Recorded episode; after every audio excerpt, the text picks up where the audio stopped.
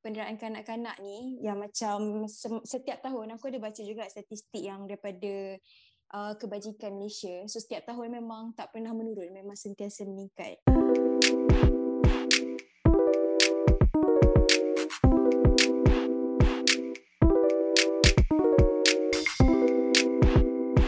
Okay, hai. Kembali lagi kita dalam uh, podcast channel uh, iaitu Your Daily Podcast bersama Bami. Uh, macam yang aku ada explain dekat video yang sebelum ni untuk podcast first episode aku, uh, yang mananya untuk next podcast mungkin akan ada panel dan mungkin akan ada moderator. Alright. So, kita Alhamdulillah uh, ada sambutan daripada rakan-rakan. Okay, kita kenalkan kita punya moderator uh, kita untuk podcast kali ni. Okay, perkenalkan Atika. Hai, Assalamualaikum. Uh, saya Nur Atika. Hmm. Okay. Okay. Um, cakap apa? Perkenalkan diri lah. Hmm. Okay, uh, saya Nur Atika. Okay. Um, saya cuba. Okay, saya bekerja uh, sekarang ni currently tengah buat part time degree dan bekerja sepenuh masa. Okay. So sebab tu kita ada masa tu yang terluang ni kita um, sama-sama lah kita apa cembur kita menceburi bidang yang baru belajar menceburi. buat podcast pula dengan Ami. Oh, menceburi bidang yang baru. Lama tak dengar ayat tu. okay, tapi tak lupa juga kita ada kita punya moderator. Um, kita perkenalkan dulu uh, Husna. Hai Udang. Hai. Hai. Uh, okay, boleh so, introduce. So, hmm. nama Okay, sorry. Nama Husna. So, boleh panggil Una je.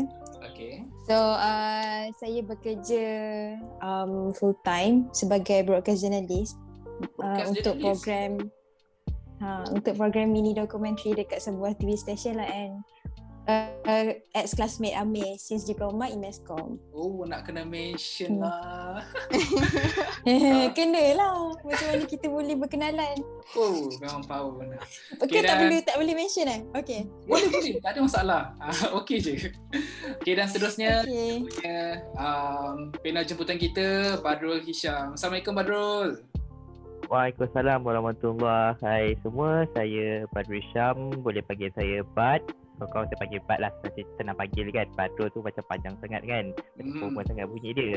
Uh, hmm, Saya hmm, Saya bekerja Dan hmm, agak gugup sebab uh, Dulu masa study dulu Banyaklah bercakap depan orang Semua. Jadi pendek-pendek ni Benda yang tak ada masalah. Tapi dah ah, tinggalkan study Dekat 5-6 tahun uh, Gugup sikit. Tapi kalau apa-apa uh, kesalahan tu mohon diabaikan ambil yang elok saja yang yang mana yang tak elok tu biar dia biar, biar aje lah ya boleh tak ada masalah buat kita ada somewhere untuk kita start balik kan Alright, hmm. so kita mulakan untuk tajuk kita pada episod kali ini iaitu trend penderaan kanak-kanak yang semakin tinggi. Betul tak Tika? Betul Amir. Okay, okay. jadinya uh, Amir nak mula dulu ke macam mana? Ah, tak apa, Amin mula dulu boleh, tak ada masalah. Okay. So untuk trend penderaan kanak-kanak yang semakin tinggi ni sebenarnya uh, orang panggil dah lama dah berlaku di Malaysia lah kan. Tapi benda ni, uh, isu ni semakin menjadi-jadi semenjak uh, PKP, orang ramai buat from home, orang uh, kesihatan mental terganggu. So benda ni uh, menjadi satu isu yang hangat eh. So berdasarkan post yang dimuat naik di laman web uh, Sinar Harian pada hari Rabu 3 Februari hari itu ada menyatakan kes penderaan kanak-kanak di Malaysia yang melibatkan ibu bapa semakin meningkat sepanjang PKP sejak Mac tahun lalu. So dia ini sekaligus membuktikan yang tahap mental masyarakat yang semakin terganggu. Okay, so apa pandangan Una berkenaan dengan isu ni Una? Okay, uh, so pasal kes penderaan kanak-kanak ni sebenarnya bukan benda yang baru lah dekat Malaysia ataupun dekat dunia lah sebenarnya. Okay. So uh, pendapat boleh cakap aku? Boleh, tak ada masalah. Okay, pendapat aku pasal kes yang tadi kau mention pasal yang Amir tu kan yang 3 Februari eh? Um, boleh masuk juga, tak ada masalah. Hmm. Oh sorry sorry, tak tak pernah fokus. So pasal kes yang So one of the case yang tergempar adalah kes Amir yang pada 3 Februari tu kan yang memang dah uh, didera dikatakan lah dikatakan sebab uh, final result daripada polis belum dapat lagi budak tu didera uh, dan ditemui maut lah dekat rumah uh, ibu bapa kandung dia so pen- pada pendapat aku benda ni macam banyak faktor tau yang lead. Okey, So, faham. ah, so benda tu macam bukannya tugas satu pihak je untuk selesaikan. So dia macam uh, macam ada banyak faktor yang lead untuk dia dia trigger uh, perasaan marah, perasaan tak boleh nak control untuk Hmm. pukul anak-anak semua tu Emosi dia lah. faktor ah emosi, stres semua benda tu related to each other lah. Tu Ah, pendapat aku. Betul, Hmm. faham. So, um, bagus point Nona tu. Macam mana pula dengan pandangan Badrul empat untuk kes ni? Macam mana? Okey, uh, okay, terima kasih. Eh. Okey, uh, pada mulanya kita kena tahu juga apa erti, apa istilah kanak-kanak tu sendiri dari sudut perundangan Malaysia lah. Okey. Okey, Mhm. untuk yang mana yang tak tahu ataupun uh, macam kita sendiri tak perasan ke istilah kanak-kanak mengikut akta uh, mengikut akta kanak-kanak 2001 akta 611 eh berdasarkan apa yang saya kaji sikit-sikit ni lah kan uh, seseorang Okay, kalau macam uh, korang sendiri agak-agak kanak-kanak ni umur berapa sebenarnya? Um, Um, daripada um, sampai umur 13 ke bawah 15. kanak-kanak Ah, ni nampak- bawah 18 ke? Macam mana? Iya betul. Okey, pada kita Oh, ni macam boleh. fikir kan. Ah, kita sendiri fikir macam kanak-kanak ni kita macam fikir macam oh kanak-kanak ni budak sekolah, budak sekolah rendah macam tu kan. Macam baby-baby, budak tadika tu kita kira sebagai kanak-kanak. Ah, itu pun sebagai kanak-kanak, tapi jawapan yang paling tepat adalah seseorang yang berusia 18 tahun ke bawah. Ah, jadi Mhm. mana-mana yang di luar-luar sana yang mana form 4, ah, form 5 Form 5X tu tak terima lah ya Form 5 Pro Max tu tak kira lagi lah kan Sebab Jadi ah, kita ingat situ. Jadi apa-apa yang melibatkan sebarang penderaan kepada orang golongan-golongan di bawah uh, usia 18 tahun ke bawah ni kita kira dia sebagai penderaan kanak-kanak lah. Jadi ya sebenarnya betul kalau bukanlah nak kira betul atau tidak antara macam-macam punca lah. Uh, kita dah masuk punca ke belum? Belum kan? Belum lagi. Tapi dah- boleh dah boleh cakap. ah, okay, okay. Tak maaf eh. Ah, tapi macam awal-awal kita pun macam peningkatan trend tu dia banyak banyak punca dan sebenarnya betul juga daripada dulu lagi daripada kita kita kadang-kadang kita pun masa kecil dulu pun kita bukanlah didera tapi macam uh, kata orang tu sebagai kita sendiri bila dah besar kita fikir balik uh, itu adalah macam satu kata, kata orang tu macam uh, sesi Kategori pengajaran penderaan. Bukan kita kadang-kadang kita, kita kecil dulu Macam kita kecil dulu Ah. Kita juga rasa macam Kita dipukul Method. dengan uh, uh, Kita dipukul ke Macam tu ada juga Tapi pada kita uh, Kita sendiri fikir yang ada uh, Ada Sebenarnya ada rasa sakit pada diri kita sendiri ke Macam tu Mhm. Tapi uh, pada kita mungkin pada kita dulu kita tak men, me, macam kita tak melaporkan sangat sebab kita tahu bila kita dipukul tu uh, Untuk kita, mengajar salah kan? kita sendiri kan betul tak ya betul Sal- untuk mengajar salah macam satu method pun lah kita, untuk mengajar. ah, untuk mengajar macam tu tapi Hmm. Sejak akhir-akhir ni bila kita dah kita dah mula besar kita dah mula boleh berfikir macam mana kita Hmm. boleh nampak okey sebenarnya benda ini uh, satu benda yang tak patut terjadi ataupun ada benda yang kita macam kita punya pengalaman dulu yang macam uh, ini dah terlebih ni kita sepatutnya tak boleh lah nak untuk uh, meng, me, me, me, apa me, membiarkan benda ni terjadi lagi kan Hmm, betul. Faham? hmm. Hmm. Macam tu lah. Jadi macam oh, Masa sekarang kita makin nampak, Kita makin banyak. Kita nampak macam Keluar berita sini Keluar berita situ Keluar berita situ Keluar berita sini. Ah, Sampai ada yang rakyat Malaysia Dekat luar negara pun Even dia rakyat Malaysia Macam kita pernah dengar Satu ketika dulu Even dia rakyat Hmm. Malaysia Dia mendera anaknya Di luar negara. Tapi dia tetap Oh. di Dia kena tekan tindakan. Kalau kita salah Negara Denmark ke Tak salah. Ada satu negara yang sangat mengetatkan Uh, satu undang-undang penderaan kanak-kanak tangan kanak-kanak ni even dia rakyat Malaysia dia sendiri kena tindakan di sana jadi Ah. kita sendiri memang tak terlepas daripada setiap negara tu juga itulah Okey, memang satu pengungsian yang uh, informatif eh daripada Bat. Hmm, betul tak Tika? Betul. Okay guys. Jadinya uh, aku nak macam bagi komen sikit lah pasal isu penderaan yang baru-baru baru berlaku ni kan. Yang paling mengayat hati ialah uh, bila kita uh, macam adik aku ada jumpa satu video pasal uh, adik ni yang uh, sebelum dia meninggal uh, video yang uh, di mana uh, kecupan terakhir daripada keluarga angkat diorang tu uh, uh, sebelum adik tu meninggal kan uh, adik tu dipulangkan semula ke family uh, Kandung ibu, dia. Kandung. uh, ibu kandung kan uh, so uh, lepas tu 3 bulan dia tak jumpa lepas tu siapa sangka lah macam ibu uh, family angkat tu pun tak sangka yang uh, kali terakhir diorang jumpa uh, diorang lepaskan budak tu ialah kali terakhir memang betul-betul kali terakhir tu lepas tu tak jumpa dah which is bagi aku macam eh, sedihnya tujuh tahun jaga lepas tu end up hmm, macam tu je Mati kat tangan ibu bapa kandung sendiri. Betul? betul Hmm. okay guys Ibu bagi pendapat lah. Betul.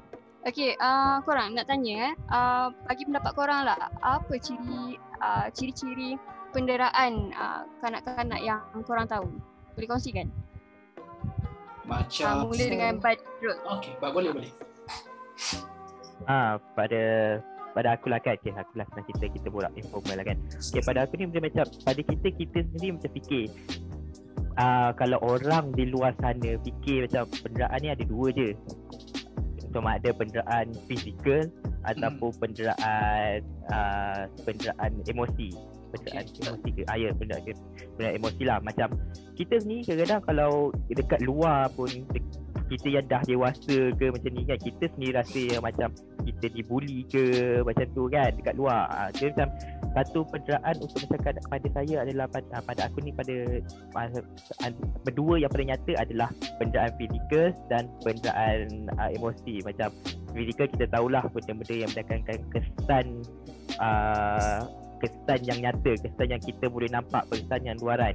Uh, contohnya emosi penderaan emosi uh, macam saya nak cakap eh emosi ni saya tak pandai sangat nak untuk ni, nak diterjemahkan. Tapi macam Okey. benda yang tidak tidak yang uh, bukan bukan kecederaan perkara-perkara yang mendatangkan Mengganggu masalah mental health dia kan? sendiri. mengganggu ya ya ya Ah. betul mengganggu dia punya emosi tu untuk menjalani hidup seharian tu Mhm. ah macam itulah Hmm. tapi ada lagi Okey. ada lagi saya saya ada lagi untuk bagi saya bagi peluang yang lain pula Hmm. Untuk yang bad, bad cerita pasal emosi tu kan, hmm. uh, Una macam nak tambah sikit. Boleh, macam uh, first kita cerita pasal hak kanak-kanak dulu. Sebenarnya hak kanak-kanak ni uh, based on my observation lah sendiri, bagi aku kan pen, uh, kanak-kanak dekat Asia ataupun specifically kat Malaysia sebenarnya dilayan tu dia macam kanak-kanak dekat Malaysia ataupun Asia lah uh, cara layanan yang diberikan dia sangat berbeza tau dengan uh, negara luar. Contohnya macam yang paling paling kita tahu um, UK ataupun Korea lah. So untuk UK ni macam aku ada saudara yang ramai uh, yang memang menetap kat sana semua cara hak kanak-kanak yang diberikan tu berbeza tau. Dan Korea pula observation based on macam drama movie semua tu. Cont- salah satu contohnya um, macam member aku uh, rakan-rakan wartawan ada kerja dekat 999 kan. Ni satu cerita lah nak share. Okey. So boleh. bila immigration ke ataupun DADK ataupun PDRM uh, macam rush apa eh macam masuk masuk rumah untuk tangkap mak ayah orang yang uh, bersalah di bawah pengaruh dadah dan sebagainya. Kalau dekat Korea ataupun dekat negara luar, first bomber ataupun pihak berkuasa tu semua, polis ke apa, dia akan make sure dulu rumah tu ada kanak-kanak ke tak. Walaupun rumah penjenayah. So dia akan masuk, dia akan first kali keluarkan budak-budak tu dulu tau. Untuk mengelakkan daripada dia di abuse secara mental. Oh. Walaupun benda tu situasi tau, bukannya directly daripada parents diorang. Lepas dia tenangkan budak tu buat lari daripada um, lokasi jenayah tu, barulah dia akan ambil tindakan kepada penjenayah tu which is dalam keadaan masa yang cepat, cepatlah. Tapi kalau di Malaysia, uh, pihak berkuasa tak kira budak ada ke tak ada ke, yang pasti aku nak marah mak ayah diorang ni sebab buat jenayah. Which is kat situ aku dah rasa dah, walaupun bukan daripada family sendiri, kita sebagai public pun sebenarnya tak pentingkan pun um, emosi dan hak kanak-kanak sebenarnya. Which is benda tu salah. Dan sebenarnya korang tak boleh korang eh, boleh imagine tak apa budak-budak tu rasa. Contohnya ada salah satu video yang pernah viral yang pasal ayah dia pergi tangkap bini ada seorang lelaki ni pergi tangkap bini dia cheat dekat dalam satu hotel ni yang tidur dengan lelaki lain and ada budak-budak ada anak dia kat situ. Dia bawa anak dia sekali. Yes, dia bawa anak. So, Okay. okay, okay mungkinlah ayah dia ni um, terbawa-bawa dengan emosi. Tapi boleh fikir tak apa uh, kesan dekat budak tu Hmm. kalau tak waktu tu, waktu masa akan datang. Emosi dia. Dan yang kedua, bukan ayah dia seorang yang tangkap tau. Ada pihak berkuasa yang lain. Dan semua tu orang dewasa. Kenapa dia tak boleh nak fikir apa yang budak budak tu uh, akan terima ataupun kesan dia akan terima daripada Hmm. visit ikut ayah dia pergi tangkap mak dia cik. Ha, adultery tu pun dah macam susah dah untuk aku kalau jumpa boyfriend aku curang pun susah dah aku nak move, macam nak terima, nak adapt, nak hadam. Apatah lagi budak yang memang um, Tak apa-apa mentally kan? tak matang lagi. Ha. So dekat sini sebenarnya one of the penderaan emosi. So yang kedua pasal daripada family sendiri pula. Dia, kalau daripada family sendiri um, physical abuse tu sebenarnya boleh lead juga kepada uh, emotion uh, mental abuse. Oh. Contohnya mungkin kita akan fikir macam oh um, parents ni dia pukul anak sebab salah satu method untuk macam Bad explain tadi waktu intro salah satu method untuk mengajar. For me benda tu macam ada part boleh diguna pakai tapi untuk untuk zaman sekarang benda tu dah, dah tak legit tau benda tu dah tak valid sebab bagi aku lah uh, violence takkan selesaikan masalah Faham? macam tu Hmm. So um, macam mana eh, nak cakap sekiranya um, cara nak mengajar tu sebenarnya banyak lagi cara lain. So uh, agama kita pun agama Islam pun ada ajar boleh pukul tapi selepas beberapa kali amaran dan teguran semua benda. So Ada bukannya macam dia okey lah. pukul. Hmm. Ha ah, so so benda tu macam kita nak belajar benda ni lead kepada parenting skill pula. Kalau kita nak pukul semua tu nak mengajar nak mendidik, kita memang kena ber, uh, macam orang, orang cakap uh, berguru dululah. Berguru dengan buku, berguru dengan um, cara yang betul bukannya main okey orang tua dulu pukul. Tapi kita ambil part tu je. Sebenarnya banyak lagi step lain yang kita skip dan terus kepada method untuk pukul tu lah. Which is contohnya macam ada kawan aku seorang ni dia memang daripada dulu di hidup dalam satu keluarga yang um, ayah dia sangat abusive sebab panas baran. Hmm. So uh, mungkin waktu kecil tu dia tak dia tak fikir kenapa ayah aku selalu pukul aku tapi bukan adik-adik aku. Okey sebab aku nak sulung. Dia tak fikir tahu benda tu untuk didik Okey. dia untuk jadi orang yang bagaimana. Hmm. So tapi benda tu mungkin dia akan takut waktu tu semua. So um, orang cakap post uh, effect dia tu beberapa tahun akan datang dia akan uh, takut dengan lelaki, takut untuk ada keluarga. Faham tak? Sebab Faham, tu adalah mental uh, mental abuse. Tu adalah penderaan secara emosi sebab fizikal um, fiz, uh, penderaan fizikal yang diterima oleh kawan aku ni waktu dulu sebenarnya beri kesan yang dalam long term memory long term effect dalam diri dia walaupun bertahun-tahun akan datang dah. So tu adalah bagi aku mental um, ni lah uh, mental uh, penderaan mental ataupun penderaan emosi. So Hmm. banyak-banyak jenis penderaan yang boleh lead kepada penderaan emosi which is penderaan emosi ni paling bahaya sebab dia boleh bagi kita mental illness dan boleh Hmm. affect cara orang tu punya point of view pada waktu akan datang.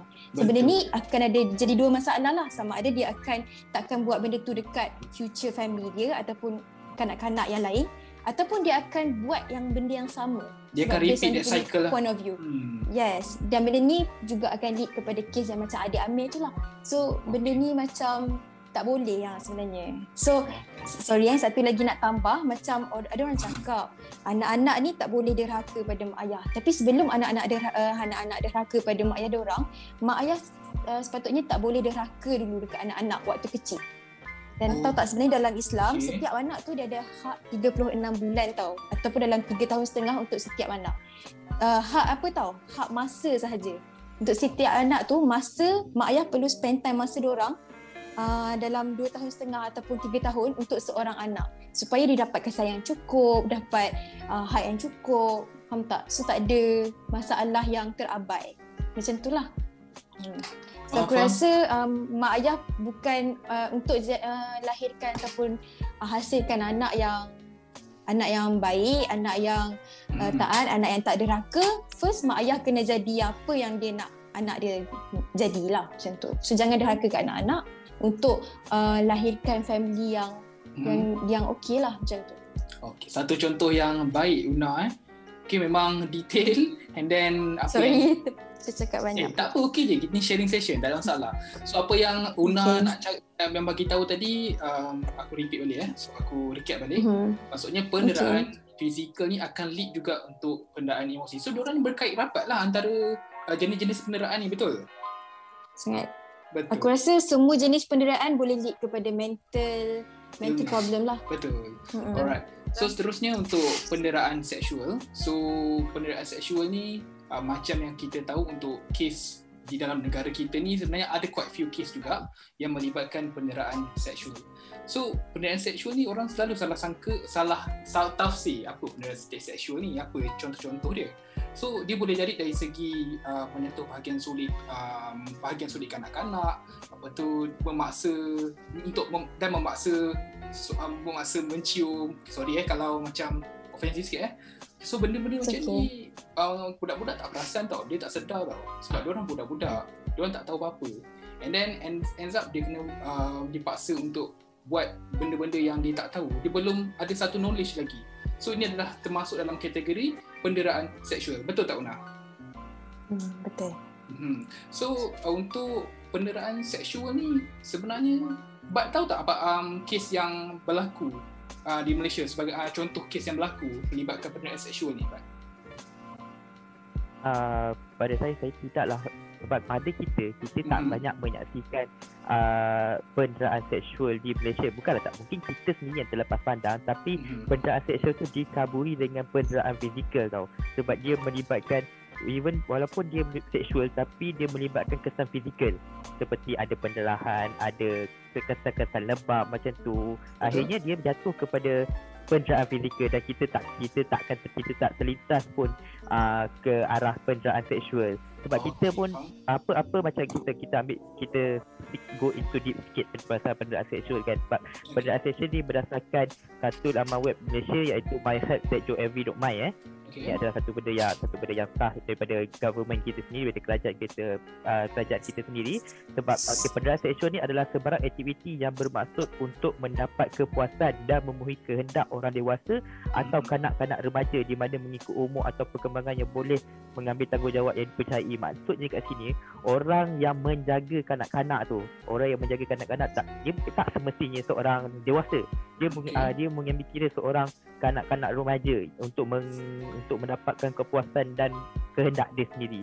Sebab Okay. uh, macam kita cakap kalau macam kita cakap ambil contoh juga macam uh, Una cakap tadi uh, dia macam uh, untuk saya cakap tadi uh, dia Una cakap tadi uh, macam memuaskan nafsu dia macam tu dan juga Mhm. tak semestinya uh, walau macam itu pun salah satunya tapi ada perkara-perkara lainnya juga seperti dia termasuk macam eksploitasi komersial melalui macam pelacuran ataupun menghasilkan gambar-gambar lucah Ah, macam gitu pun ini pun memang terlibat dalam uh, kita kita pun tahu yang ada macam ada kes pedo di Malaysia.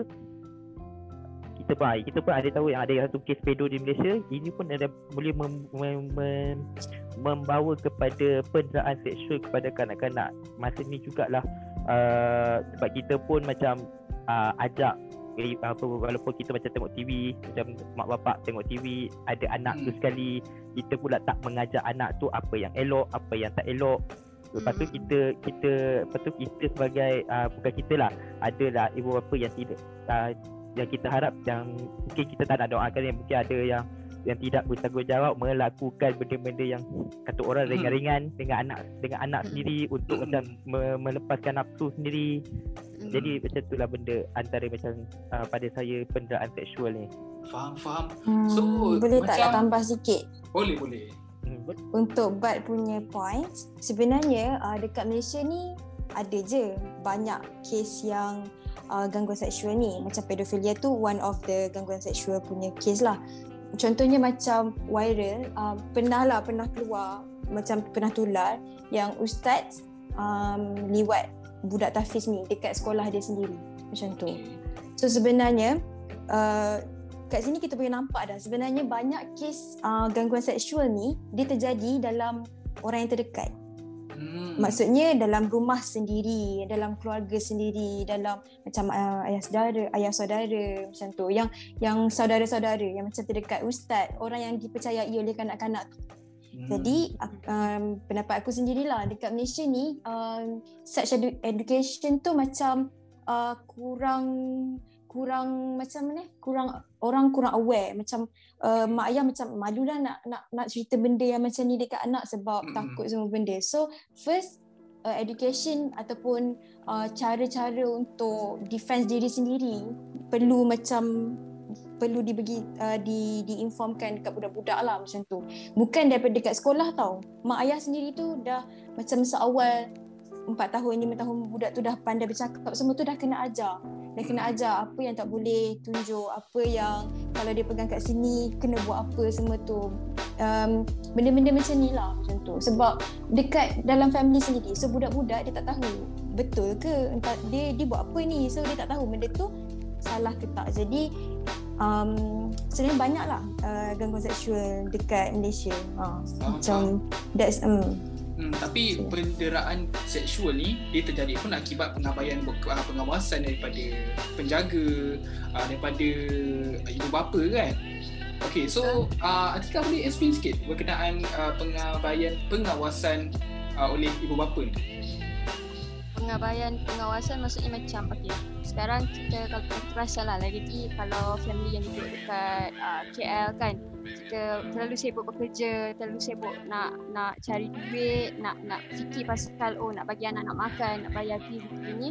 So end up uh, sama ada mak yang terlepas pandang uh, pasal anak-anak ataupun ayah yang terlepas pandang ataupun kedua-duanya sekali lah kan.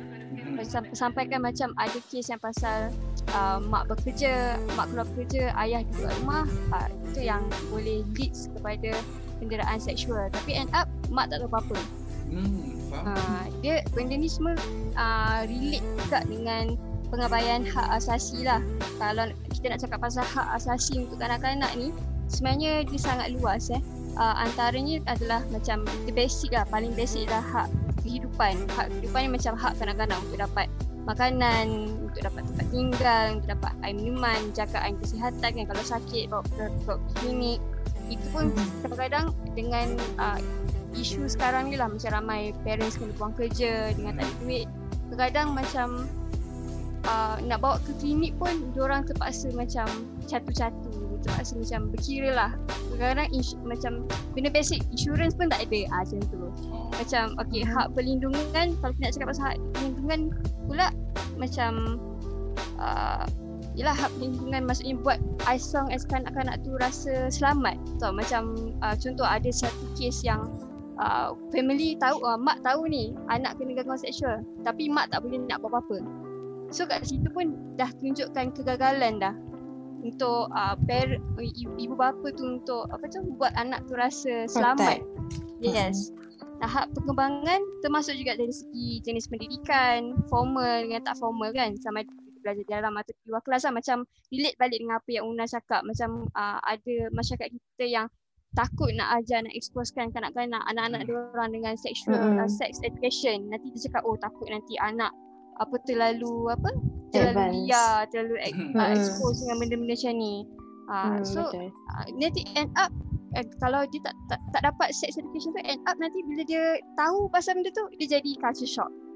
Mm-mm. Betul tak? Dia lagi dia, rasa macam eh nak nak tahu lagi nak tahu. Uh. Betul. So lepas tu juga uh, hak pengembangan dia merangkumi juga pasal persekitaran, keselamatan, pendidikan, kemudahan. Okay, kalau contoh nak pergi ke sekolah, uh, cukup tak mak, uh, makan pakai duit belanja sebab ada tau kes yang di mana keluarga terlalu mencatu eh duit untuk bagi ke anak. Bekalan semua jadi end up anak tak ada duit nak nak makan. Itu yang terjadi. Leads kepada kes bully kat sekolah. Pasal oh dia tak ada duit end up kau minta duit kawan lah. End up pukul orang ambil duit. Curi makanan curi itu ini. Betul tak? Macam macam zaman daripada zaman kita dulu pun ada je kes pens pensel kita kena curi. Uh, pemadam pembaris set-set barang tu. Eh ini ini ini menunjukkan serba kekurangannya keluarga apa pihak ibu bapa yang uh, dia tak dia tak sediakan disebabkan benda tu tak ada kat rumah sebab tu kanak-kanak dia Mm-mm. end up dia cari benda kat luar Dia membentukkan Lepas tu- behaviour lah kan? Betul tak? Betul, betul. Hmm. Lepas tu hak penyertaan lah. Maksudnya kalau hak penyertaan ni dari segi macam okay, budak, uh, kanak-kanak pergi sekolah, anak-anak pergi sekolah, ada tak macam uh, mesti korang ada kan kawan-kawan korang yang pergi sekolah balik sekolah. Pergi sekolah balik sekolah. Dia orang tak boleh masuk kelab tak boleh pergi macam tak boleh duduk lama-lama kat sekolah. Oh uh, lepas ni ada uh, orang ada kelas uh, kelas tambahan kat rumah pula. Lepas ni ada ni pula. Maksudnya parents orang tak bagi orang expose dengan dunia luar tak bagi orang bergaul. So kanak-kanak ni dia jadi tak berkembang tau. Antara salah satu cara untuk kita berkembang ialah untuk kita uh, belajar macam bergaul dengan orang, berkomunikasi dengan orang. Kalau kalau budak-budak dia tak berkembang, tak tak berkomunikasi dengan orang, tak berkawan, tak bergaul, dia jadi nanti bila dia dah sepatutnya keluar pergi universiti dia akan jadi takut. Takut nak nak nak expose ke dunia luar lah. Ah betul. so, ah benda hak-hak asasi sebenarnya orang nampak kita terlepas pandang tau. Tapi sebenarnya benda tu sangat penting yang dia boleh lead ke banyak perkara ya yeah. betul tak betul betul betul hmm okay. Yami ada apa-apa nak tambah? Okay, so okay memang satu poin yang uh, menarik eh dan juga informatif daripada Atika sendiri. Uh, okay, seterusnya kita masuk lagi untuk part cara tangani isu penderaan kanak-kanak. Okay, so Atika, uh, ada beberapa pihak yang akan mengambil um, inisiatif dalam um, dalam menyelesaikan masalah trend yang tak sihat macam ni. So dari segi pihak kerajaan, pihak ibu bapa, pihak masyarakat kan. So hmm. kita tanya Una lah pula kan. Okay. So Una dari hmm. segi uh, apa um, Una rasa lang- antara langkah-langkah yang boleh diambil untuk mengurangkan kes penderaan ni? So uh, cara nak nak kurangkan lah. Kes ni sebenarnya banyak lah. Macam daripada banyak parties lah banyak banyak pihak. Tapi bagi pendapat aku sendiri bila hmm. Asia ni dia macam susah sikit. Sebab apa? Kita dah di normal normalizekan dengan Asian parents. You know what I mean? Asian parents it's normal for Asian parents to hit uh, dia punya anak-anak. Macam okay macam kita balik pada Bud punya point first waktu intro tadi. Hmm. macam pukul tu adalah untuk mengajar. So bagi aku benda tu macam bila kita sendiri public ataupun masyarakat awam kalau kita nampak um, Asian uh, maknanya nampak ibu bapa marah anak dia dekat public adakah kita berani untuk tegur ataupun uh, jangan marah anak tak berani kan sebab okay, kita mind uh, our own business lah. Sebab bagi kita tu dia telah cari ibu bapa tersebut untuk mengajar anak-anak dia. Macam anak-anak mengamuk dekat public lepas tu ibu bapa marah. Dan kita tak boleh nak bezakan. Ataupun let's say macam jiran aku sendiri aku dengar budak tu nangis. Kita akan assume uh, se- tak apalah sebab dia pukul untuk ajar. Sebab kita tak tahu hmm. pukulan tu ataupun tangisan tu hasil daripada um, pukulan manja ataupun uh, macam uh, uh, untuk mengajar ataupun adalah dera. So me, isu ni melahirkan ataupun lead kepada uh, neighbors jiran-jiran yang ignorant lah maksudnya yang tak buat report sebab tak tahu tak tahu nak bezakan adakah uh, tangisan daripada kanak-kanak tu sebab didera ataupun sebab tangisan biasa yang memang mak ayah dia mak dia mak ayah dia untuk mengajar anak dia. Mungkin uh-huh. anak dia main sabun waktu mandi ke banyak so kena marah. Ataupun uh, kotorkan rumah ke sebab Asian parents. Sebab kita dah terlalu normalize uh, yeah, violent dia, dalam part of the culture lah Una betul tak? Betul. Dan hmm. benda ni dah berkurun lama tau which is sangat susah untuk kita change the culture ataupun kita panggil uh, benda ni macam hmm. uh, normal lah kan. Norma yang memang dah memang memang kita daripada lahir dah. Uh, memang mak ayah kita macam ni, atau nenek kita macam ni. Uh, which is kalau aku pernah teringat lah kalau macam uh, orang-orang tua cakap aku dulu kena lagi teruk. Maksudnya benda tu macam bagi dia adalah normal untuk um, terapkan keganasan untuk mengajar. Which is benda ni kita kena cari cara lah untuk untuk uh, buang cara ni ataupun um, masukkan cara baru. Sebab sekarang ni kanak-kanak berbeza dengan kita dulu. Betul. Macam kita compare je lah Gen, Gen Z eh. Kita Gen berapa? Uh, yang 90s dengan yang 2000 kan. Baru yang baru dengan yang uh, kita punya yang 90s ni. Okay. Uh, kita dulu tak ada internet semua. Which is tak berapa nak expose terlalu di umur yang awal. Tapi orang sekarang ni seawal uh, tadika pun dah expose dah dengan internet. Betul. Walaupun dan aku rasa tak semua parents yang memantau anak dia terlalu detail. Uh, maksudnya apa yang ditengok dekat internet semua tu tak semua parents yang diajar untuk ni. Contohnya kalau mungkinlah dekat um, KKL ataupun dekat kawasan bandar, mak ayah dia macam ada knowledge about the gadget. Tapi kalau dekat kawasan luar bandar, to be honest lah, ramai mak ayah yang aku nampak macam kat kampung aku sendiri, Mhm. dia sendiri pun tak tahu macam mana nak guna YouTube semua tu. Macam mana nak tahu anak dia tengok apa kat YouTube. Macam aku sendiri, adik aku baru darjah, eh baru form 1 tau. So aku takut tau sebab takut dia dia bergaul dengan benda-benda yang bukan-bukan kan. Jadi aku install satu apps untuk memang uh, apps tu macam orang cakap psycho jugalah. Aku tahu semua benda adik aku WhatsApp apa, tengok YouTube Yeah. apa. Kita bukan nak kongkong tau. Kita nak monitor. Bila eh. kongkong Hmm. Dia monitor nak tahu je apa yang dia tengok. Jadi kalau dia tengok benda yang salah, kita nasihat. Maknanya bukan yang marah. Sebab kongkongan yang terlampau ataupun overprotective ni pun boleh lead kepada penderaan mental juga. Jadi benda tu complicated. Ha, so kita kena kena uh, tak boleh terlalu over dan tak boleh terlalu ignorant. Tak, so kena balance. Cara untuk tangani isu ni, satu aku rasa benda yang sangat susah lah adalah untuk stop normalize keganasan dalam mendidik. Okay. lepas tu hapus. Yang kedua um, contohnya waktu PKP ni kan uh, kes penderaan makin tinggi tau. Sebab apa? Sebab duduk kat rumah. Jadi mak ayah pun work from home ada yang kena buang kerja. Jadi pelbagai tekanan yang datang daripada pelbagai cara tau. Tekanan tak ada duit tekanan uh, bekerja di rumah tekanan daripada uh, anak-anak yang nak guide nak nak kena kerja dalam masa yang sama nak kena pantau lagi anak-anak dengan online class dan sebagainya. Benda ni sebenarnya mak ayah ni uh, bila dia dapat tekanan dia tak ada dia tak ada macam masa untuk me time dekat luar since PKP so dia lempiaskan kemarahan dia dekat anak-anak. Maknanya okey anak-anak buat hal sikit benda tu trigger tau dia punya kemarahan ni. So benda tu sebab itulah jadinya domestic violence dekat rumah. Maknanya dalam rumah so macam balik kepada H, uh, uh, keganasan tadi jadi jiran pun oh, budak ni nangis sebab kendera ke ataupun sebab memang saja kena marah. So benda ni aku rasa um, let's say macam macam uh, first domestic violence sebabkan tekanan tu lah. Yang kedua daripada uh, macam pasangan yang baran. Contohnya kita uh, sorry eh mas, maksudnya uh, masalah ibu dengan si ayah ni um, akan Aduh. menyumbang kepada menyumbang kepada tekanan emosi kanak-kanak. Jadi pendapat aku uh, kita should uh, stop uh, stigma penceraian. So maknanya kalau penceraian tu lebih baik daripada bersama, better bercerai saja kalau um, uh, uh, bersama tu akan memudaratkan anak-anak Betul. macam tu. So uh, orang takut nak bercerai sebab terlalu uh, ramai yang memberi stigma-stigma yang tak bagus tentang perceraian ni. Jadi kena hapuskan stigma penceraian tu for the better future lah. Maksudnya for the better goods. Kalau dah tak boleh nak selesaikan masalah dengan ni daripada ada kes mati ataupun ada kes yang tidak bagus untuk anak-anak kita better um, pergi saja ke arah tu lah. Hmm. Betul. Tu pendapat aku lah.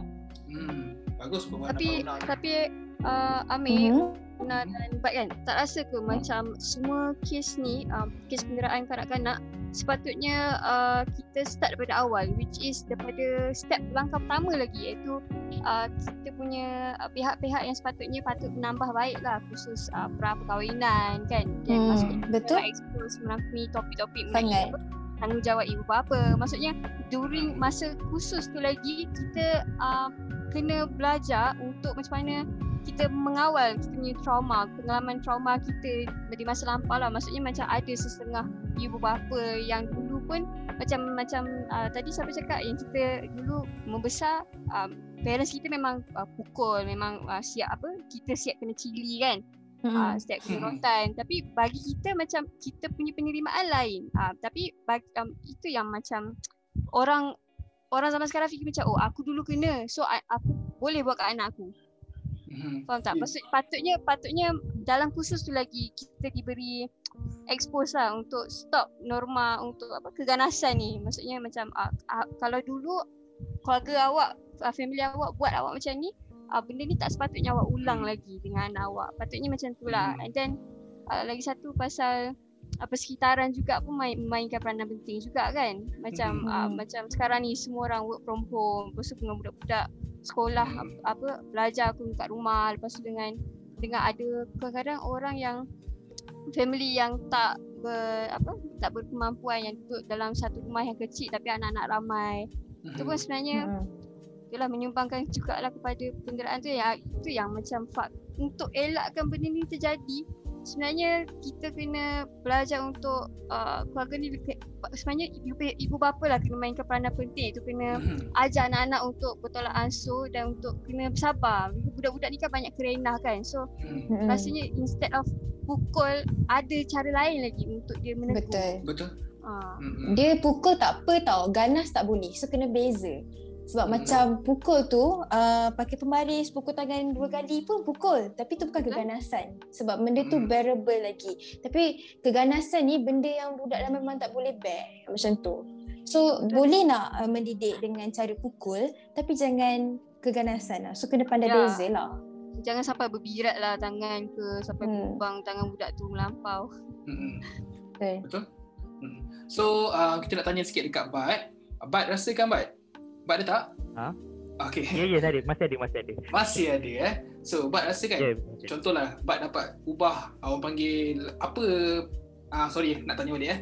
So contoh anda kata daripada side uh, Bat sendirilah. Apa uh, untuk side Bat sendiri apa yang patut yang diubah dengan uh, dengan satu uh, dengan satu purpose untuk mengurangkan kes penderaan kanak-kanak ataupun melenyapkan teruslah sebenarnya tak elok pun at the first at the first place betul tak? Hmm. The hashtag Kita Jaga Kita leads us to care and love ourselves while embrace people around us with good hygiene habits. Wash our hands regularly, change our clothes daily, and be a hero by always wearing face masks in public area. Stay tuned for part 2.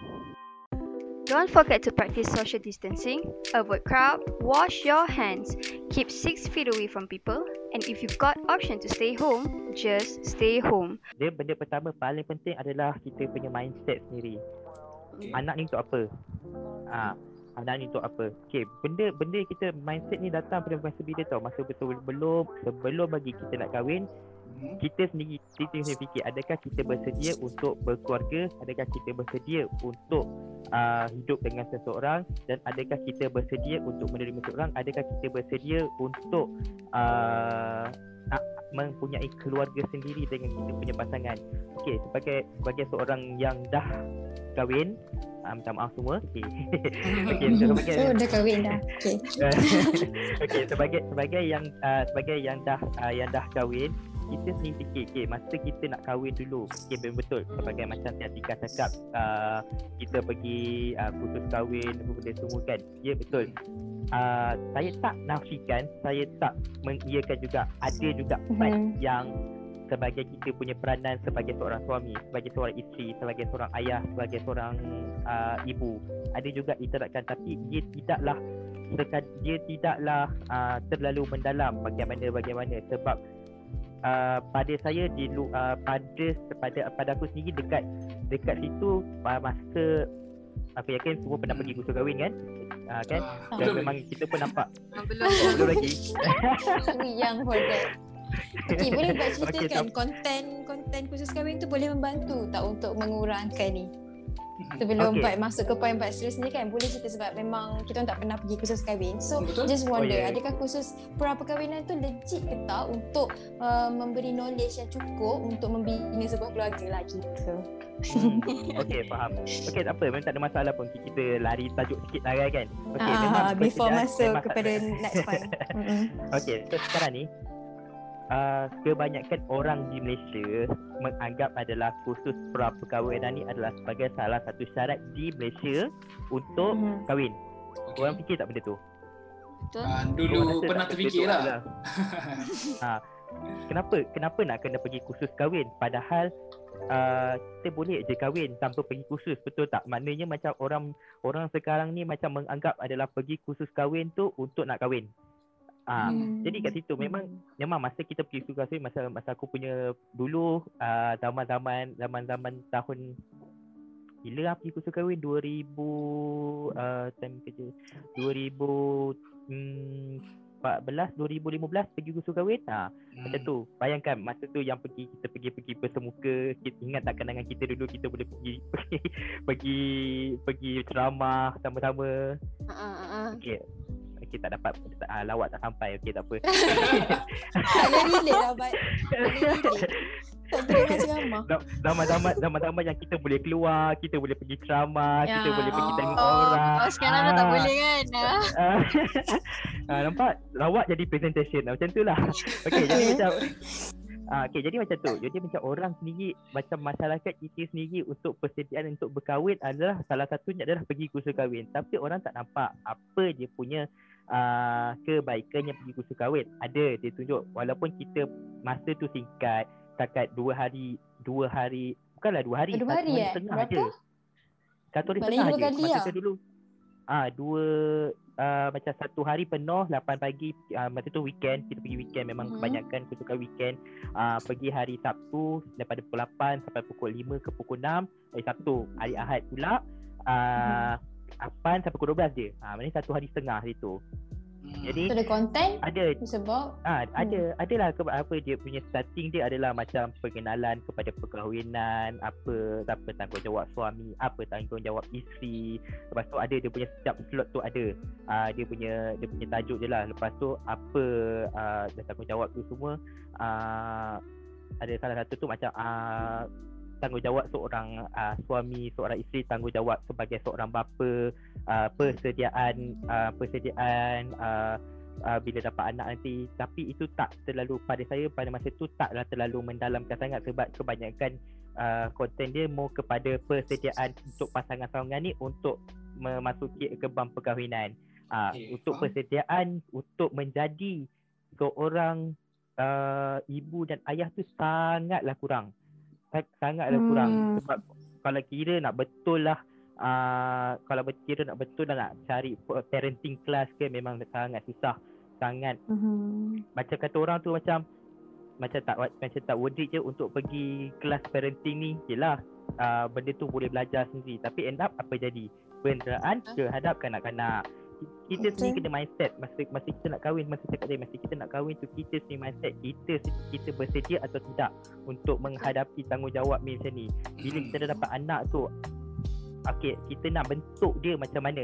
Okey kita kita nak bentuk dia macam mana? Apa cara kita nak layan dia? Apa persediaan kita uh, untuk persediaan kita nanti bila kita dah dapat anak apa persediaan kita? Kita dah masuk contohnya kita duduk dalam rumah satu rumah yang ada tiga bilik. Kita ambil contoh yang rumah yang standard uh, tiga bilik okay kan?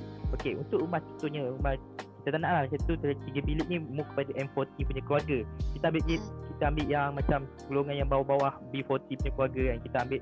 Jadi tidaklah tak dapat kita kita taklah boleh nak untuk macam membandingkan tapi ini adalah Hmm. secara dasarnya. Kita ambil contoh yang satu satu keluarga yang B40 yang satu rumah yang ada dua bilik. Confirm-confirm bila satu bilik tu adalah uh, untuk master bedroom kita ambil contoh adalah keluarga uh, untuk mak ayah. Adakah persediaan untuk kita ada lagi satu bilik spare adakah bilik spare tu kita boleh fikir untuk macam uh, aku tanya korang sendiri kan korang bertiga sendiri kata dengan satu bilik spare agak-agak berapa orang anak yang korang boleh hasilkan untuk korang Hmm. boleh jaga Okey. korang rasa macam ni sebenarnya dengan uh, Amir uh, macam ni macam ni korang uh, macam ni korang punya uh, apa dengan keluarga apa kau rasa berapa orang anak untuk boleh kau jaga untuk duduk dalam satu bilik Uh, untuk duduk dalam satu bilik, Ah. berapa orang anak yang boleh dijaga? Ah Uh, untuk macam korang boleh sediakan uh, macam tu. Kau nak produce berapa anak oh, ah Kalau rumah kau ada satu bilik spare. Kalau ada satu bilik spare, this macam mana cakap ah, benda ni pun adalah fa- uh, part of the family planning juga, betul tak? So, ah Hmm. Betul. kalau kita tak boleh memberikan satu persediaan yang lengkap, kita kena uh, carefully planning lah. Takkanlah orang sekarang ni kalau perasan, dia orang akan menganggap bukanlah aku menolak mentah-mentah dia punya hujah ni tau. Dia akan menganggap okey Mhm. anak anak ramai rezeki, anak ramai rezeki. Tapi benda ni Hmm, part of betul. the family planning. So dia orang kena lebih alert. Kalau anak ramai tak uh, anak ramai tu rezeki tapi tak boleh nak jaga tu apa?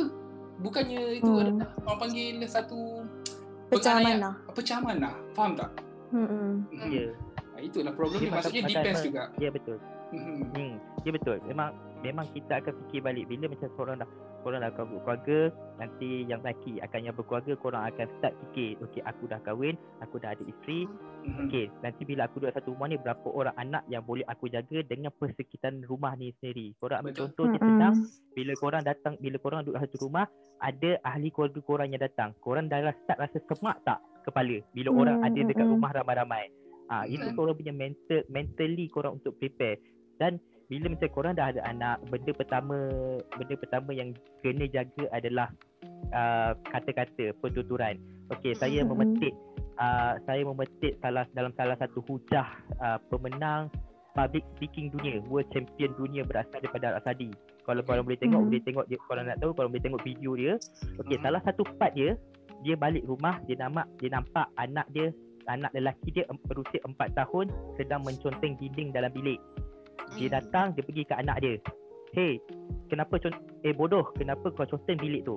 Mhm. dan anak dia berhenti.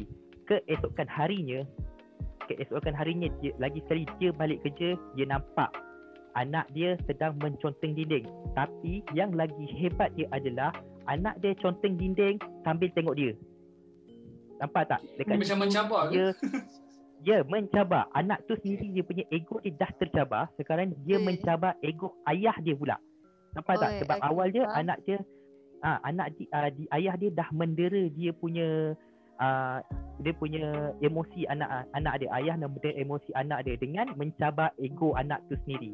Jadi keesokan harinya dia balik rumah dia nampak anak dia menconteng dinding sambil tengok dengan muka mencabar dengan muka ya why dad ada masalah ke dengan aku conteng dinding ni ah macam tu Allah. Dan- Ah, jadi bila bila bila sebab dalam dalam ni kita tak boleh tunjuk macam mana reaksi penceramah tu kan. Uh, public speaker tu bagi macam mana. Ah, jadi korang boleh tengok video tu nanti.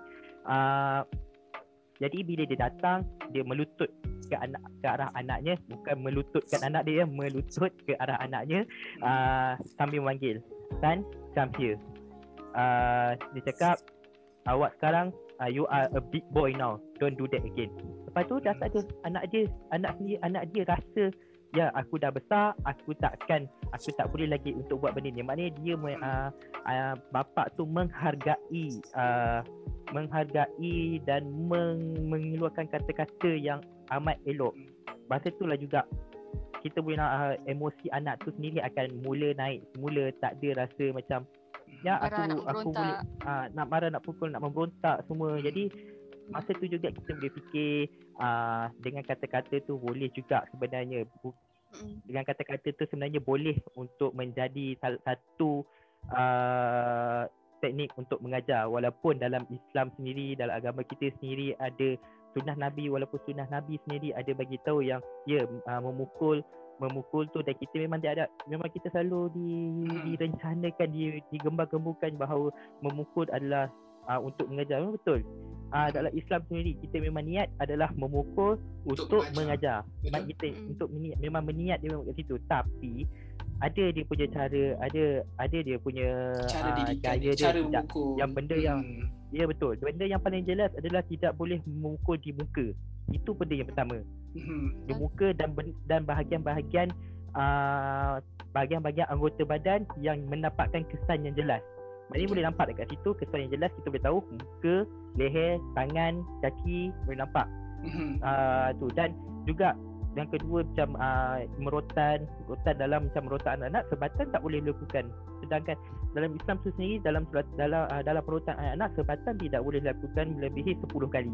Kita boleh nampak situ walaupun Islam itu uh, me, macam ni kata orang menggaris pandukan uh, mengajar anak-anak adalah memukul dan merotan tapi ada garis panduan yang lain Betul. pula iaitu tidak boleh tidak boleh macam ni tidak boleh macam ni tidak boleh macam ni Hmm. uh, tidak boleh macam tu. Jadi bila bila sudah melebih sampai yang ada yang macam saya yakin korang-korang pun aku pun pernah juga uh, makan hanger makan tali pinggang makan getah pipe betul tak? Biasa tu. Ah, benda tu benda tu benda tu macam Suna cakap kita adalah kita hidup dalam parent parenting uh, Asian Asian parent. Come on. Lelaki Mm-mm. du, lelaki perempuan 20 21. Kita nak buat lagi ke benda ni? Betul tak?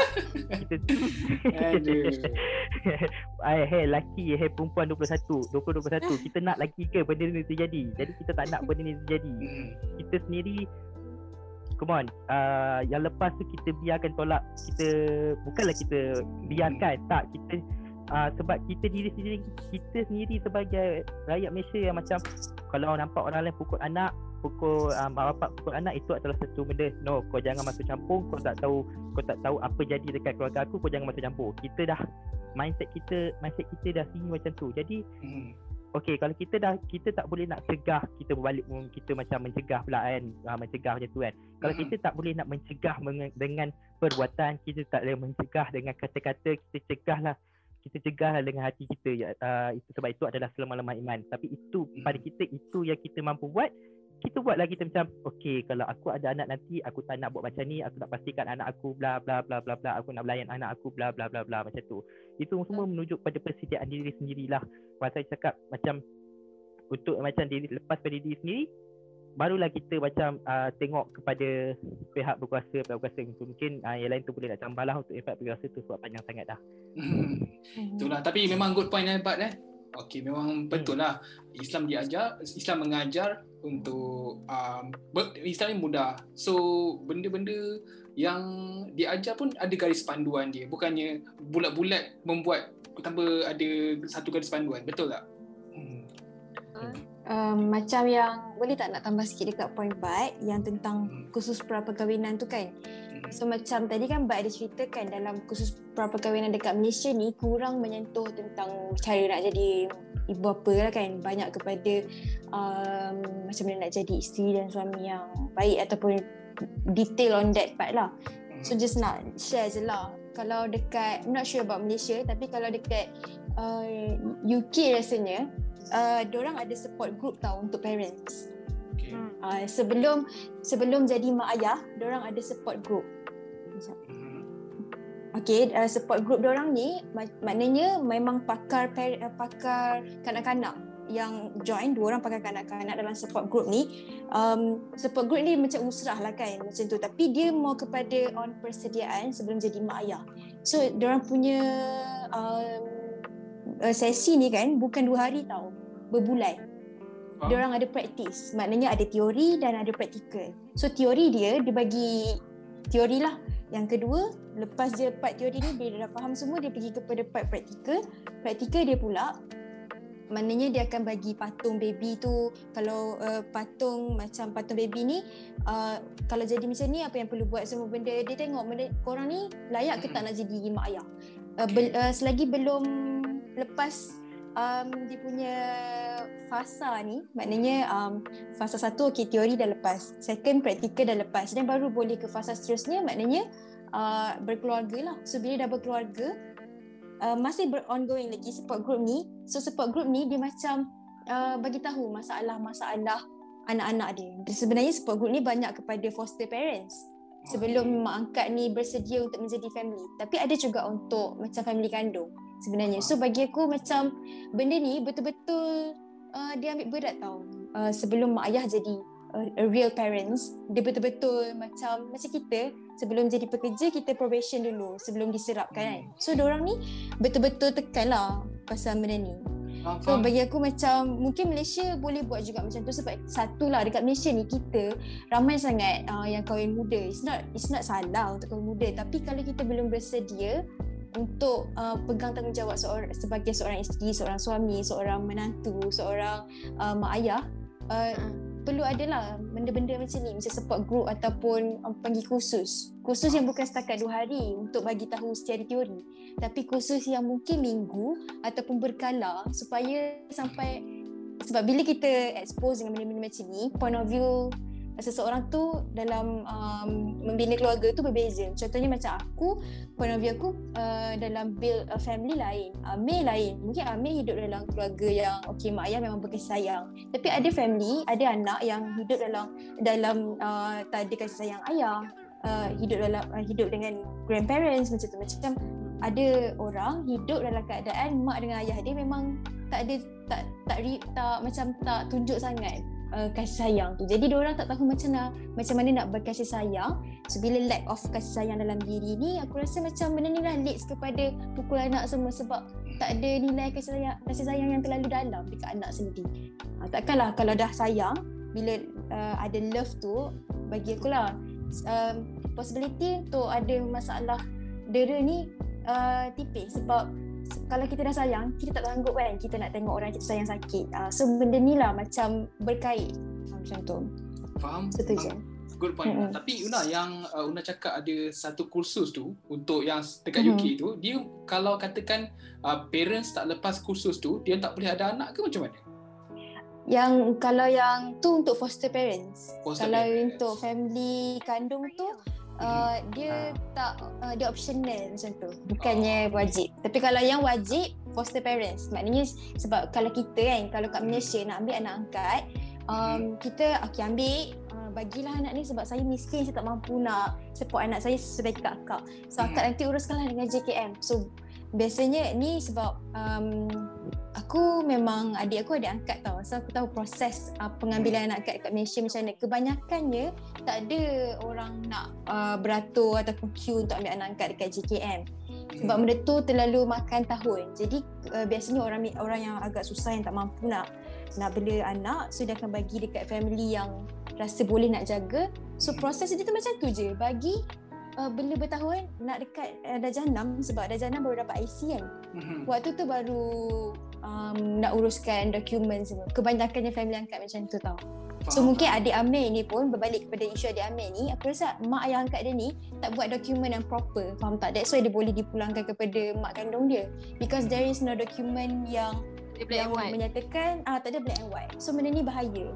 Sebab hati manusia Ah. kan. So berbanding dekat Malaysia Malaysia macam tu tau. Dia tiada, tiada penapisan yang terlalu detail tapi kalau dekat sana tak boleh. Kat sana salah. Dia ada mahkamah kanak-kanak. Bukan Okey, mahkamah tu tak ada. memang kanak-kanak sahaja. So maknanya sebelum um, selagi tak menang kes tak boleh. Uh, foster parent foster kids tu tak boleh duduk dengan mak yang angkat dia orang. Maksudnya uh, dia akan diberi macam under probation dulu. Budak-budak tu akan duduk selama beberapa bulan dulu dan uh, sepanjang budak-budak tu duduk dengan mak ayah angkat orang tu akan adalah sesi support group ni ber, ber, secara berkala lepas tu sampai masa dia uh, orang semua akan pergi masuk mahkamah dan mak ayah tak boleh bercakap hanya anak-anak sahaja boleh um, menjawab apa yang dipersoalkan oleh hakim semua tu Faham? So benda ni macam bila dah lepas semua benda ni baru okey layak uh, untuk uh, maknanya untuk inilah ambil anak angkat semua tu. Okay, untuk macam nak tambah sikit Untuk macam korang nak nampak selagi Apa yang Una cakap yang pasal foster parent ni Macam korang nak nampak lagi macam mana dia punya Perjalanannya Okay, aku boleh cadangkan korang untuk cerita Eastern Family Ya Ah. betul, Eastern Family dia Ah. punya pelakon dia cerita, uh, Mark Wahlberg Yang dia punya anak perempuan dia Yang berlaku cerita Dora di, Dora di Explorer Dora di Explorer tu Saya tak pasti dia Aku tak pasti dia nama buat. Tapi, Tapi- memang betul.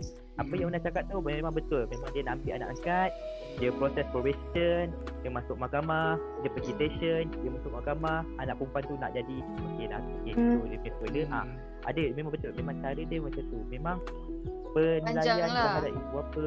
Ya betul. Ha, Memang dia penilaian ibu bapa Penilaian terhadap anak-anak. Anak-anak tu menilai ibu bapa macam mana. Ibu bapa menilai anak tu macam mana. Semua tak ada Hmm. memang lengkap betul Memang, memang sangat setuju So, Memang ya. detail Memang, Betapa memang negara tu sangat- mm, pentingkan yang hak kanak-kanak. Itulah berbalik kepada hak kanak-kanak. Betapa pentingnya dia orang supaya nak mengelakkan lah. Ni cara dia orang untuk mencegah. So bagi aku kan kat Malaysia kan uh, kanak-kanak orang miskin asnaf ni semua bawa JKM tau. They should have another uh, organisation just to focus on ni bukan NGO tau. Ni kena kerajaan. Uh, fokus on kanak-kanak saja. Maksudnya macam tak sure lah Malaysia ada ke yang uh, organisation yang betul-betul fokus on kanak-kanak je. Kita ada JKM je kan? Kebajikan masyarakat je kan?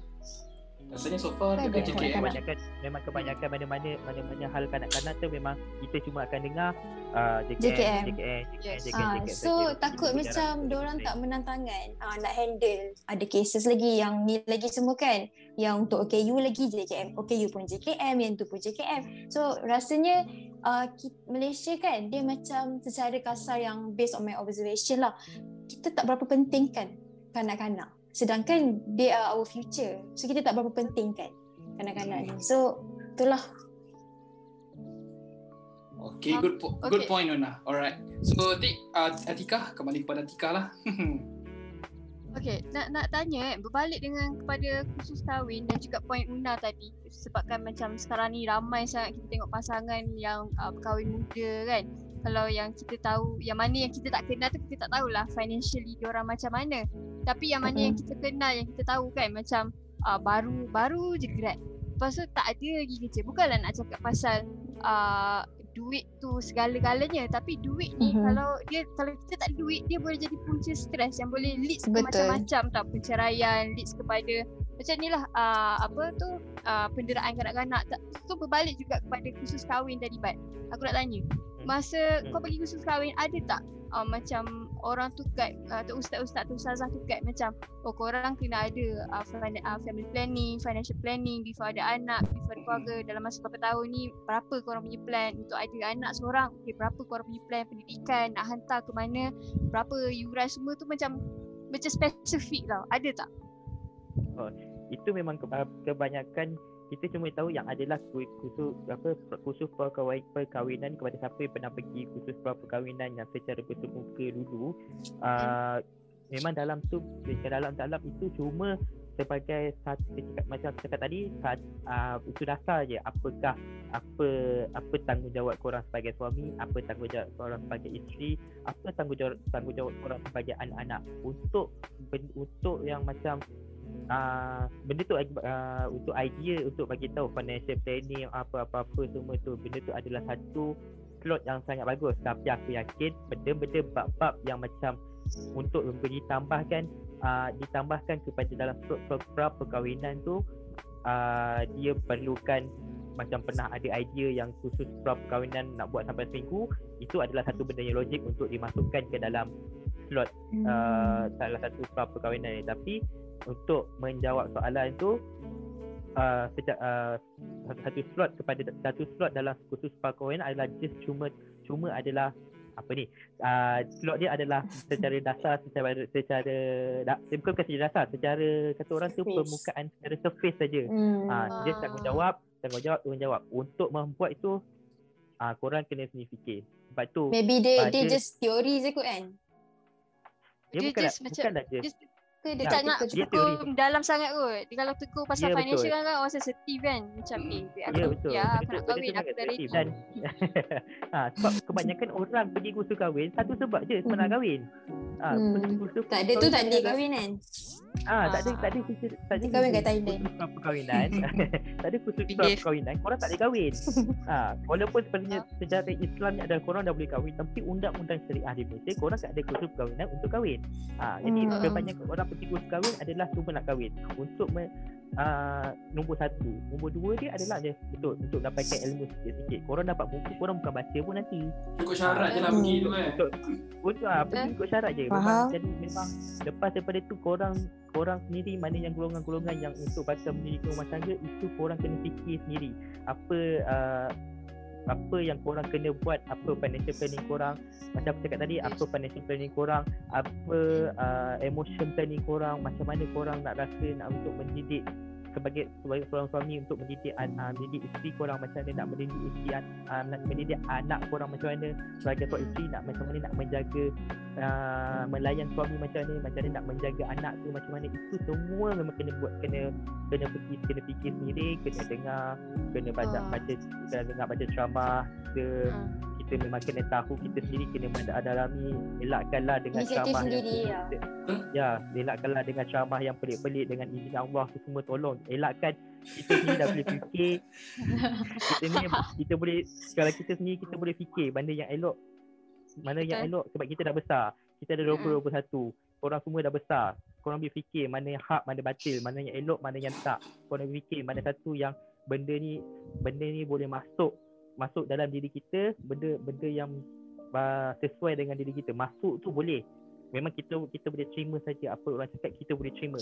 Adakah Hmm. benda yang macam macam kita, uh, kanak-kanak tak boleh tak boleh macam tak boleh fikir sangat kita ni fikir orang cakap kita kita boleh kita boleh mas, uh, kita boleh masuk tapi kita boleh terima atau tidak kita boleh mengadaptasikan dalam hidup kita ke tidak adakah bila kita dapat adaptasi boleh tak kita nak aplikasikan dengan anak-anak kita nanti dengan cara macam ni elok ke bayangkan kalau kita duduk kalau kita duduk bandar adakah Hmm. kita nak bagi anak kita suasana kampung Mm, Faham tak? mm, mm. Ah, pelbagai bukanlah bukanlah macam kata kampung tu kampung tu Mhm. tak elok tak tapi dia, Dia ada pro and cons lah. Ah dia ada Mhm. fikiran. Ah sudah semestinya kalau kita duduk bandar kita mak bapak work from home memang confirm terjejah memang confirm-confirm yang terdedah dengan gadget untuk macam tak nak bagi anak pula tak sekarang ni tak pergi sekolah tak boleh pergi sekolah ah, sekolah tutup semua memang gadget adalah first option betul tak memang gadget adalah first option untuk mereka memang Betul. kita memang sebagai macam ibu bapa ni mana mana-mana yang work from home ibu bapa yang work from home eh kita tak boleh Mm-mm. macam nak salahkan satu satu saja ibu bapa Mm-mm. kita bagi dua-dua terus ibu bapa Betul. yang work from home uh, tak dapat nak melayan anak banyak-banyak kesan. Tak dapat melayan anak gadget je lah. Gadget gadget gadget. Dan kita dah mengabaikan kita terpaksa kita bukan mengabaikan kita terpaksa uh, mengabaikan salah satu hak mereka iaitu hak uh, kita Masa. bersama mereka untuk kita nak kerja kita kita uh, untuk menjalankan tanggungjawab kita sebagai seorang Mm. pekerja menjalankan ya, tanggungjawab kita sebagai uh, seorang yang membawa keluarga sebab kita Mm. macam cakap tadi suami isteri kita cakap suami ke isteri ke tak kita bagi dua-dua terus kan semua Hmm. uh, hidup moden ni yang suami isteri dulu kena kerja kalau macam terla- macam terlalu kalau korang berkemampuan saja yang boleh macam suami saja bekerja suami saja bekerja suami saja bekerja. Ah kita ambil kita ambil konteks yang suami isteri bekerja dan terpaksalah mengabaikan uh, perhatian mereka kepada uh, Gadget. kepada anak-anak tu sendiri. Ah Oh, kita dan lead tu sendiri yang macam bila anak tu tak dapat perhatian daripada kita bila macam anak tu minta tolong ayah ayah ni macam mana pergi tanya ibu ibu-ibu ni macam mana pergi tanya ayah. Bila Hmm. anak tu berompak kita pukul. Ah, jadi benda tu tak benda tu tak tak tak ada kesudahan dia. Memang uh, perhatian tu apa-apa hal perhatian uh, kita punya persediaan diri kita sendiri. Persediaan dan perhatian kita lepas tu. Apa yang kita nak kena amalkan macam mana kita nak letak dalam diri kita sendiri. Betul. Okay, nice point Bud ya. Okay, um, sebagai konklusinya, sebenarnya banyak pihak yang seharusnya lebih peka atas trend penderaan kanak-kanak yang semakin dekat seperti yang dikongsikan oleh Bud tadi, Yuna dan Atika sendiri lah. So lebih-lebih lagi uh, sewaktu pandemik. Betul tak Atika? Betul, betul tu. Hmm. Okey, uh, bagi senang cerita lah, uh, kerajaan ataupun semua orang boleh je buat uh, bagi kesedaran, boleh uh, bagi pendedahan pasal isu, yelah maksudnya macam sebelum, sebelum kahwin, apa patut buat, the do's and the don'ts. Tapi berbalik kepada diri sendiri juga sebenarnya. Macam kau ada tak kesedaran, lepas kau dengar benda ni, kau uh, macam ada tak terdetik untuk Hmm. buat perubahan tu lah daripada uh, pengalaman kau yang sebelum ni yang kau kena pukul uh, macam kau kena pukul kat rumah. Okey, lepas tu okey kau tahu benda tu tak elok, kau tahu benda tu sakit. So uh, bila kau ada family, kau nak tak buat benda tu uh, ulang balik benda tu. Lepas tu berbalik kepada diri sendiri jugalah sebenarnya. Betul. Betul, tak Amin? Betul, Okay. tepat sekali. Okey guys, baiklah semua nampaknya kita dah sampai ke penghujung rancangan podcast kita pada hari ini. Uh, saya dan juga Amir nak ambil kesempatan ni lah untuk ucapkan ribuan terima kasih kepada tetamu jemputan kita iaitu Una dan juga Badrul. Terima kasih kerana uh, terima kasih sangat-sangat kerana sudi uh, bersama kongsi pendapat dan juga pandangan mengenai uh, isu penerangan kanak-kanak ni ya. Uh, terima kasih kerana sudi luangkan masa uh, hampir Betul. sejam kita kita berbahaskan tentang uh, isu ni. Itulah Ah, banyak input kita dapat hari ni. Betul. Alhamdulillah. Okey, segala uh, salah silap uh, Una dengan Bat atau uh, terlaju kata ataupun kekurangan dari pihak uh, Amir dan juga uh, Hmm. aku uh, kita orang minta maaf eh. Harap minta maaf Okay. dan uh, halal halalkanlah mana yang ni dan uh, mana yang salah kita minta maaf. Terima kasih juga sebab invite and thank you.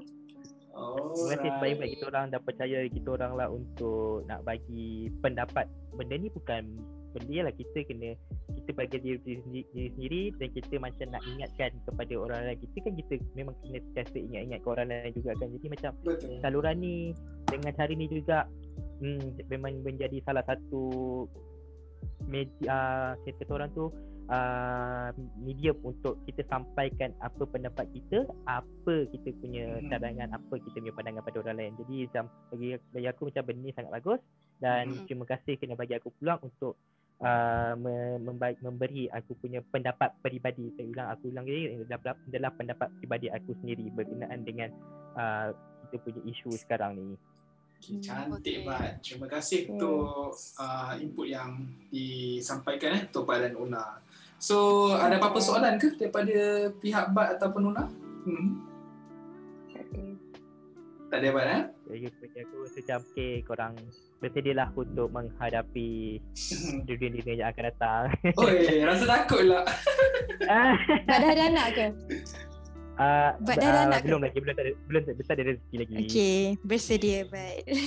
Ah, Bersedialah. Di barisan yang paling hadapan. Alright. So, kita jumpa lagi di episod akan datang. Terima kasih guys untuk participation malam ni. Ada rezeki kita jumpa lagi ya. Okay, terima Okay, kasih. bye. Assalamualaikum. Alright. Bye, Waalaikumsalam. Waalaikumsalam. care. Bye bye.